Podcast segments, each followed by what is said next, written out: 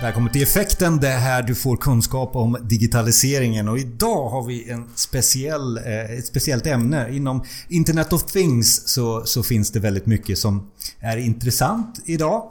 Eh, och jag, Jonas Jani, tillsammans med Micke Nobäck eh, ska prata med eh, Ludvig. Välkommen!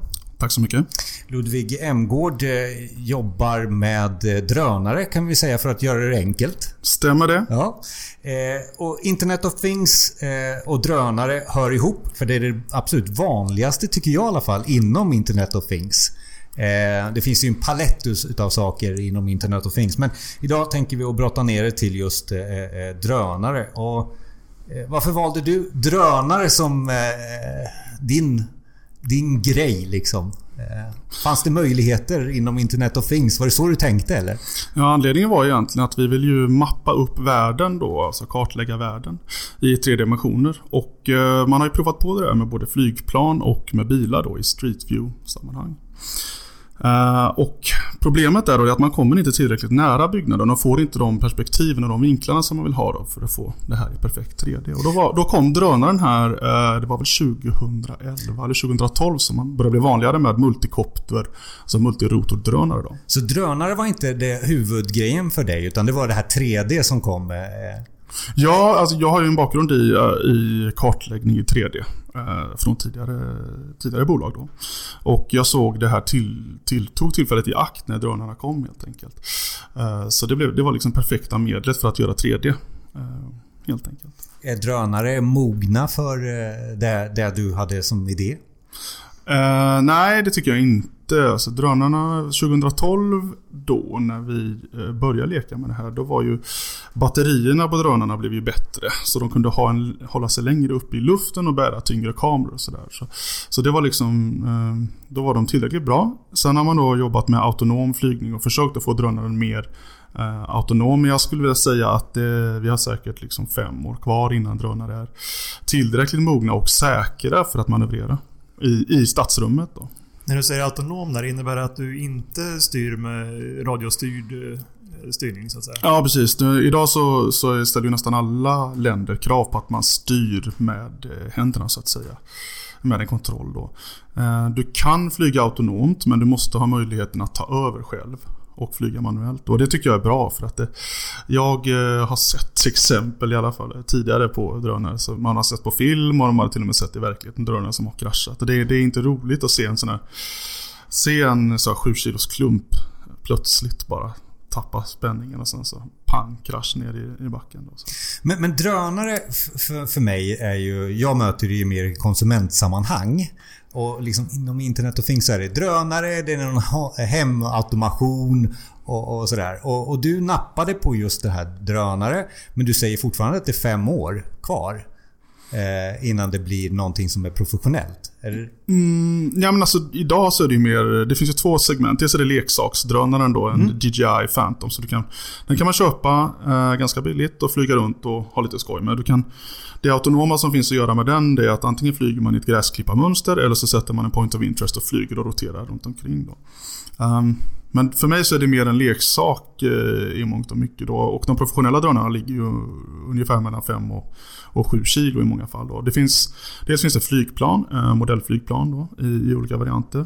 Eller fixed wing som man säger i drönarbranschen. Och så finns det då eh, multirotordrönare. Och det är väl där då, om man ser en framtid där drönarna flyger omkring oss i staden. De landar själva på taket. De kanske lyfter upp en person och flyger iväg med den här personen. Ehm, de kanske pratar med varann, eh, undviker att krocka med varann och den typen av saker. Det, det tror jag definitivt det är minst fem år kvar. Det är ungefär som med självkörande bilar. Det tror man också att bara för att några av de tekniska komponenterna finns på plats eh, och, mycket, och sådär så är det, liksom, det är mycket av infrastrukturen som inte finns på plats. Och dessutom lagstiftningen. Då. Berätta lite mer just om din idé. Alltså jag, jag, tycker ju att jag lyssnar lite när jag pratar med dig så, så blir det så att du, du valde ju drönare för att det kunde uppfylla en dröm när det gäller 3D för det var det du hade erfarenhet av. Eh, berätta mer, för, för du, det är inte hela... Du har mycket mer under dina ja, idéer. Ja, ja precis. Alltså det, drönaren är ju fantastisk. Alltså den, kan ju, den kan ju flyga runt en byggnad och ta alla vinklar. Så vi tar ju tusentals bilder eh, över en byggnad och då har vi alltså Eh, I de pixlarna i de här bilderna finns det information att extrahera om djupet som gör att vi kan göra väldigt verklighetstrogna 3D-modeller av de här byggnaderna. Så det, eh, att få så pass många bilder från så pass många vinklar är liksom helt... Det är svårt. Man skulle kunna tänka sig en ballong. Eh, men den är svårmanövrerad. Eh, så drönaren är, den är väldigt bra. Jag tror liksom att det kommer vara... Om... Eh, om 5-10 år så kommer vi ha drönare som, som bor på taket någonstans i, i staden. Och så flyger de iväg och så mappar de upp. Och så när jag har slått upp en ny affär eh, någonstans, en ny butik har bytts ut, så kommer drönaren och mappar in det där. Liksom, eh, I stadsbilden. Det, det här exemplet som du tar, det är, ju, det är just det som jag tror är grejen för framtiden. Att man kombinerar flera tekniker med, eh, med någonting gammalt.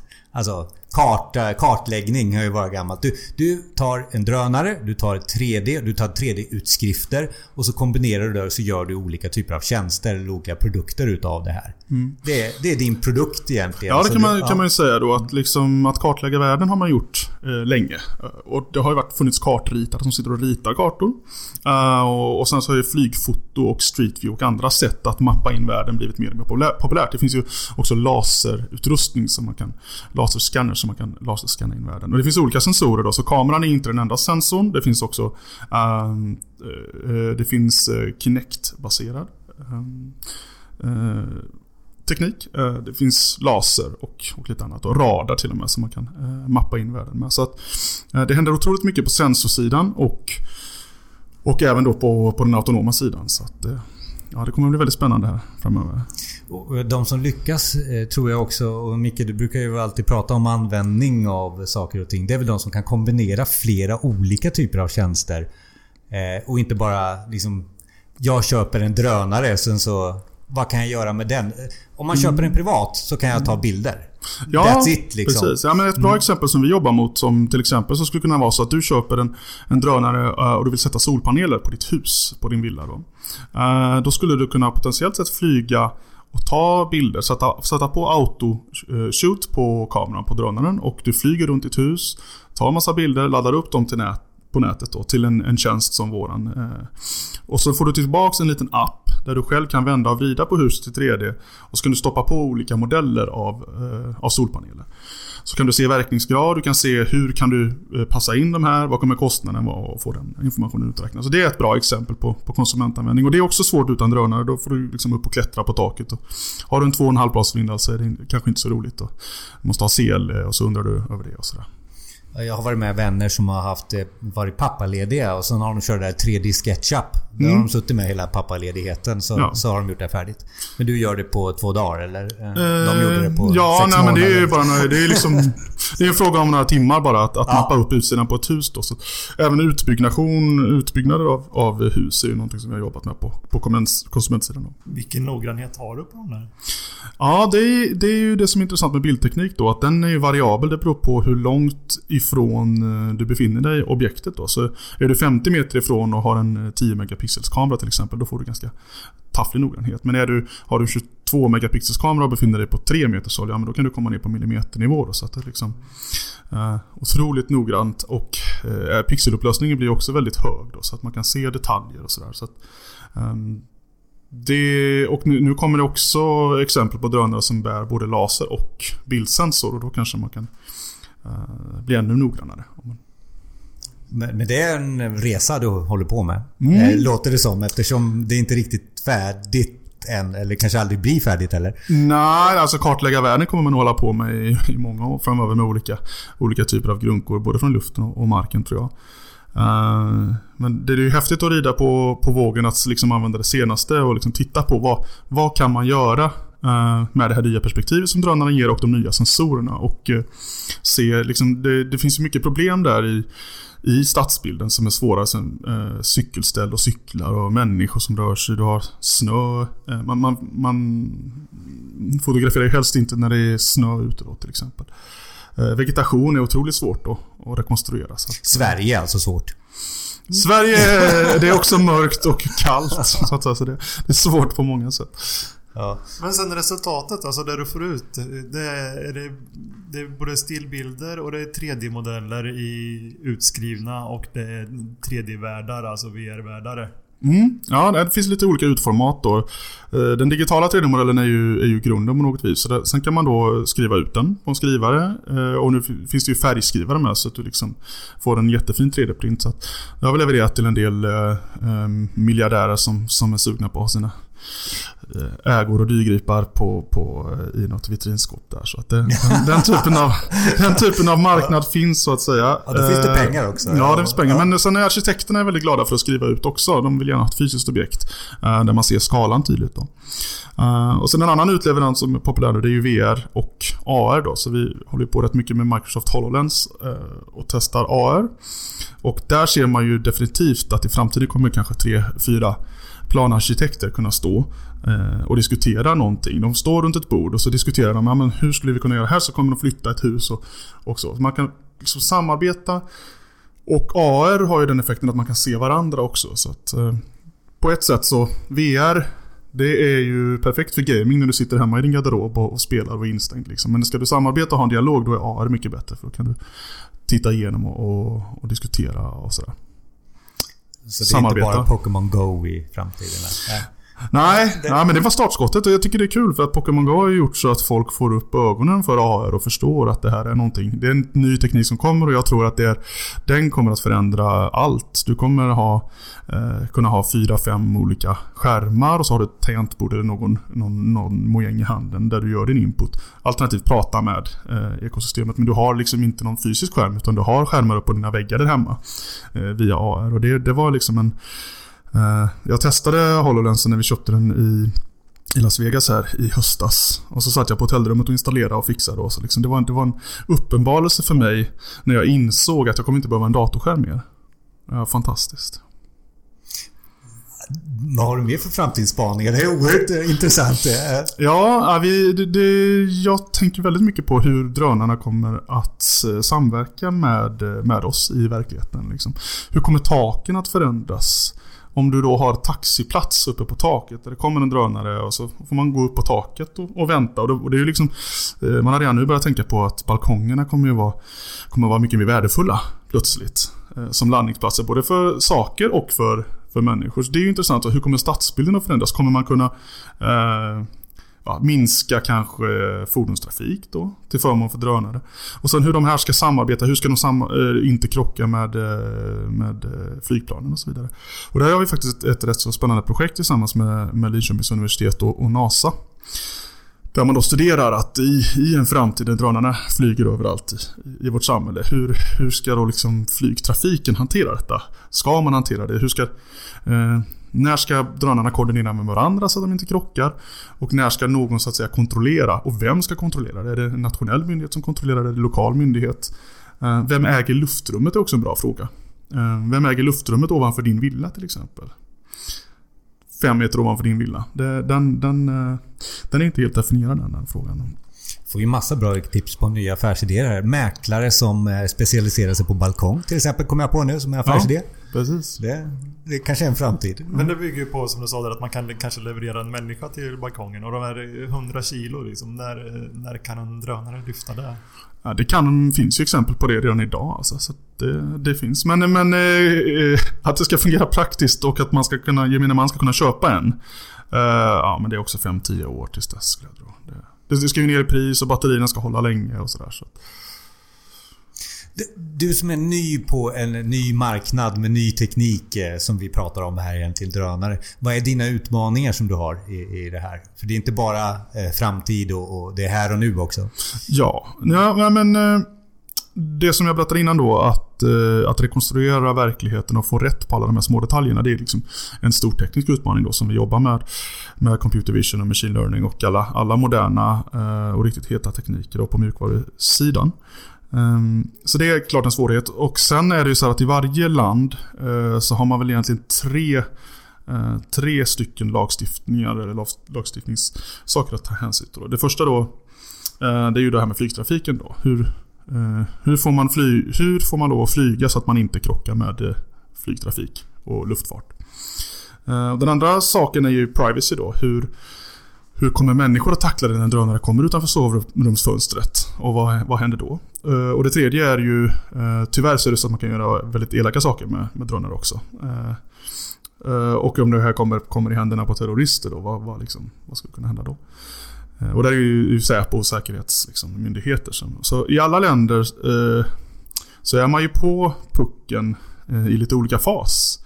Så i, i, USA till exempel då, så har man ju just flyg, FAA, flyg eh, har varit väldigt trög, så det var först förra året som de släppte, började släppa på att man fick flyga drönare i USA lagligt. Eh, medan i Sverige så har Transportstyrelsen varit liksom fantastiskt bra. De har ju under sju år låtit drönarflygarna flyga med så att säga um, lite frihet under ansvar. Ja. Och, Eh, och man måste ha tillstånd och så vidare hos dem. Så de, de har ju kontrollerat det på ett bra sätt. Eh, sen så är det klart att eh, de här privata konsumentdrönarna har ju blivit väldigt populära på de senaste två åren. Så att då händer det plötsligt saker som gör att, att den här privacy-delen vaknar då. Eh, folk som, folk som vill retas eller skoja med kompisen och, och flyga i, i sovrumsfönstret. Och, eller över Bromma. Ja, ja. ja, eller över Bromma. Och, och, det är väl egentligen bara dumdristigt liksom att flyga nära flygplanen. Det är ju liksom, eh, det, det, skapar bara ont blod så att säga. Men eh, så att, så att, i Sverige så har jag haft en bra situation men eh, nu så tyckte Datainspektionen att nu får det vara nog. Mm. Nu har det hänt för mycket eh, tramsigheter här så nu måste vi sätta stopp för det. Eh, och jag kan ha viss förståelse för att man, man, man vill ta i privacyfrågan. Sen har man dragit väldigt hårt i bromsen och nu har ju Datainspektionen till och med eh, insett det, att de drog lite hårt i bromsen. Ja, okay. um, så att eh, det är spännande. Jag träffar ju regeringskansliet och Morgan Johansson här om en vecka så ska vi ha en diskussion om hur man kan pressa fram en lag lite snabbare. En och ny lag. För mig låter det som då att du har de här lagarna, du har tekniken som du har som utmaningar. Inte problem, utan det är utmaningar. Eh, eh, investerare, tror de på dig? Ja, nej men det har gjort otroligt, eh, gjorts otroligt mycket investerare i drönare de senaste två åren. Så att investeraren är definitivt med med på tåget. Eh, sen är det alltid så att man, en investerare tittar alltid på när, när pikar den här branschen? När är liksom intäktstillfället eh, tillräckligt bra? Och man, ska väl säga, man kan väl säga att vi är fortfarande tidigt på det. Liksom.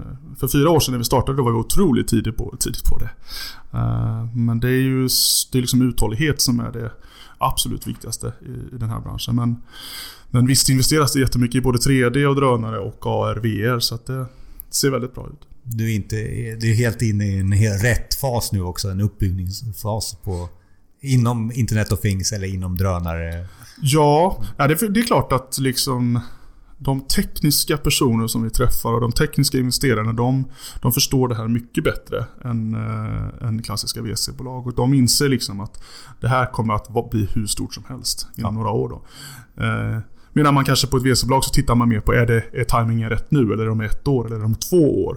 Uh, för man vill inte träffa fel där. Så det kan man förstå. Men, men i stort sett så finns det ju um, alla de thought leaders som vi träffar i Silicon Valley och, eh, och överallt i världen. De säger ju liksom att ni, ni håller på med rätt grejer grabbar. Fortsätt med det.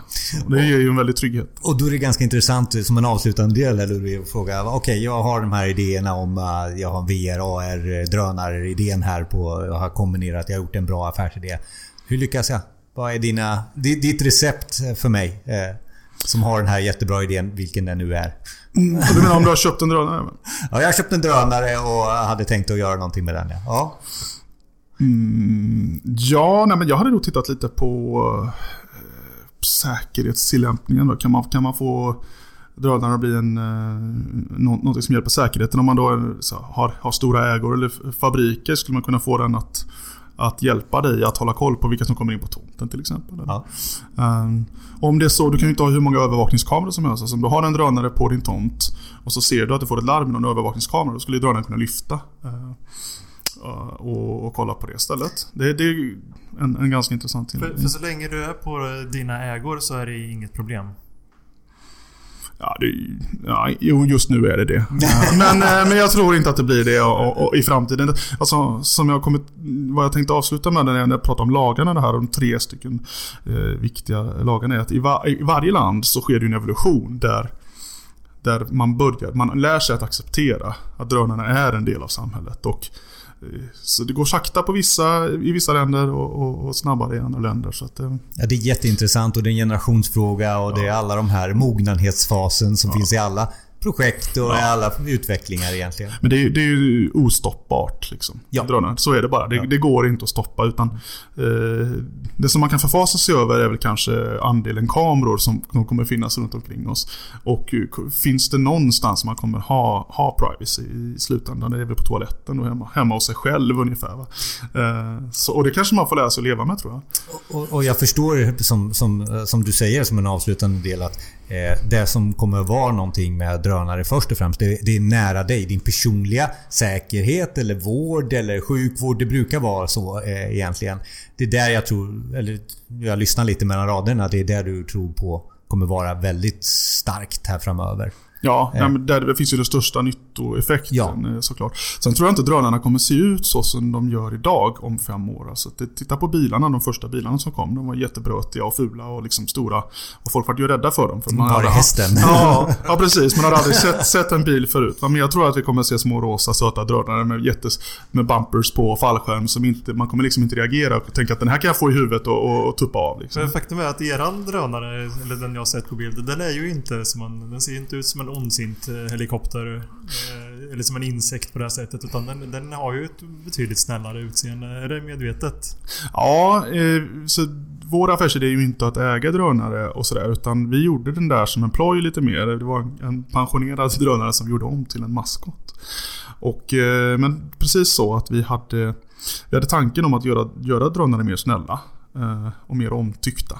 Så att, och försöka vända det här. För just då när vi gjorde detta, det var ju för eh, två år sedan ungefär. Då var ju fortfarande drönare ganska... Det hade inte riktigt slagit i pressen än och det var fortfarande en sån här grej som, som eh, amerikanska försvaret höll på med för att bomba i Mellanöstern. Det var, det, det var väl det som var drönare. Nu är drönare någonting annat i gemene mans medvetande. Vi får eh, fortsätta den här diskussionen för det kommer att eh, finnas fler tillfällen att återkomma just till drönare eftersom utvecklingen är som den är. Eh, just nu så eh, handlar det om att hitta en lösning inom Eh, inom väldigt mycket personligt. Eh, vad kan det vara för något? Idag är det ju drönare fotografering för privatpersoner. Så vad är nästa steg för privatpersoner? Eh, du pratar här om affärsidéer inom eh, säkerhet, eh, sjukvård kanske också till och med. Eh, men det är den som lyckas med drönare är den som har den perfekta idén på kombinationen utav verklighet kombinerat med det som är drönare, VR, AR eh, Ja, också. ja. Ja. Men det håller jag med om. Och, och, och det är ju också så att eh, tittar man på konsumenterna så är det ju en stark drivkraft också att dokumentera sig själv, dokumentera sitt liv och lägga ut sitt liv och visa det för andra.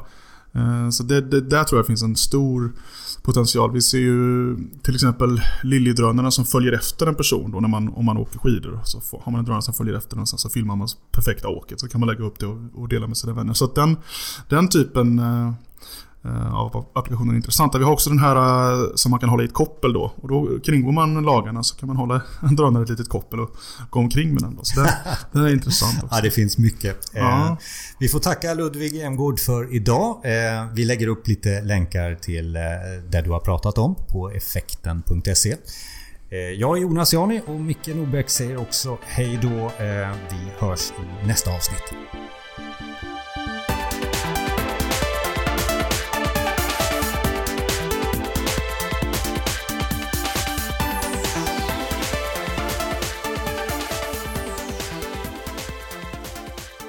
Tack för att du lyssnade. Fler avsnitt finns på effekten.se. Och vi vill höra från dig, frågor och synpunkter. Maila oss på info effekten.se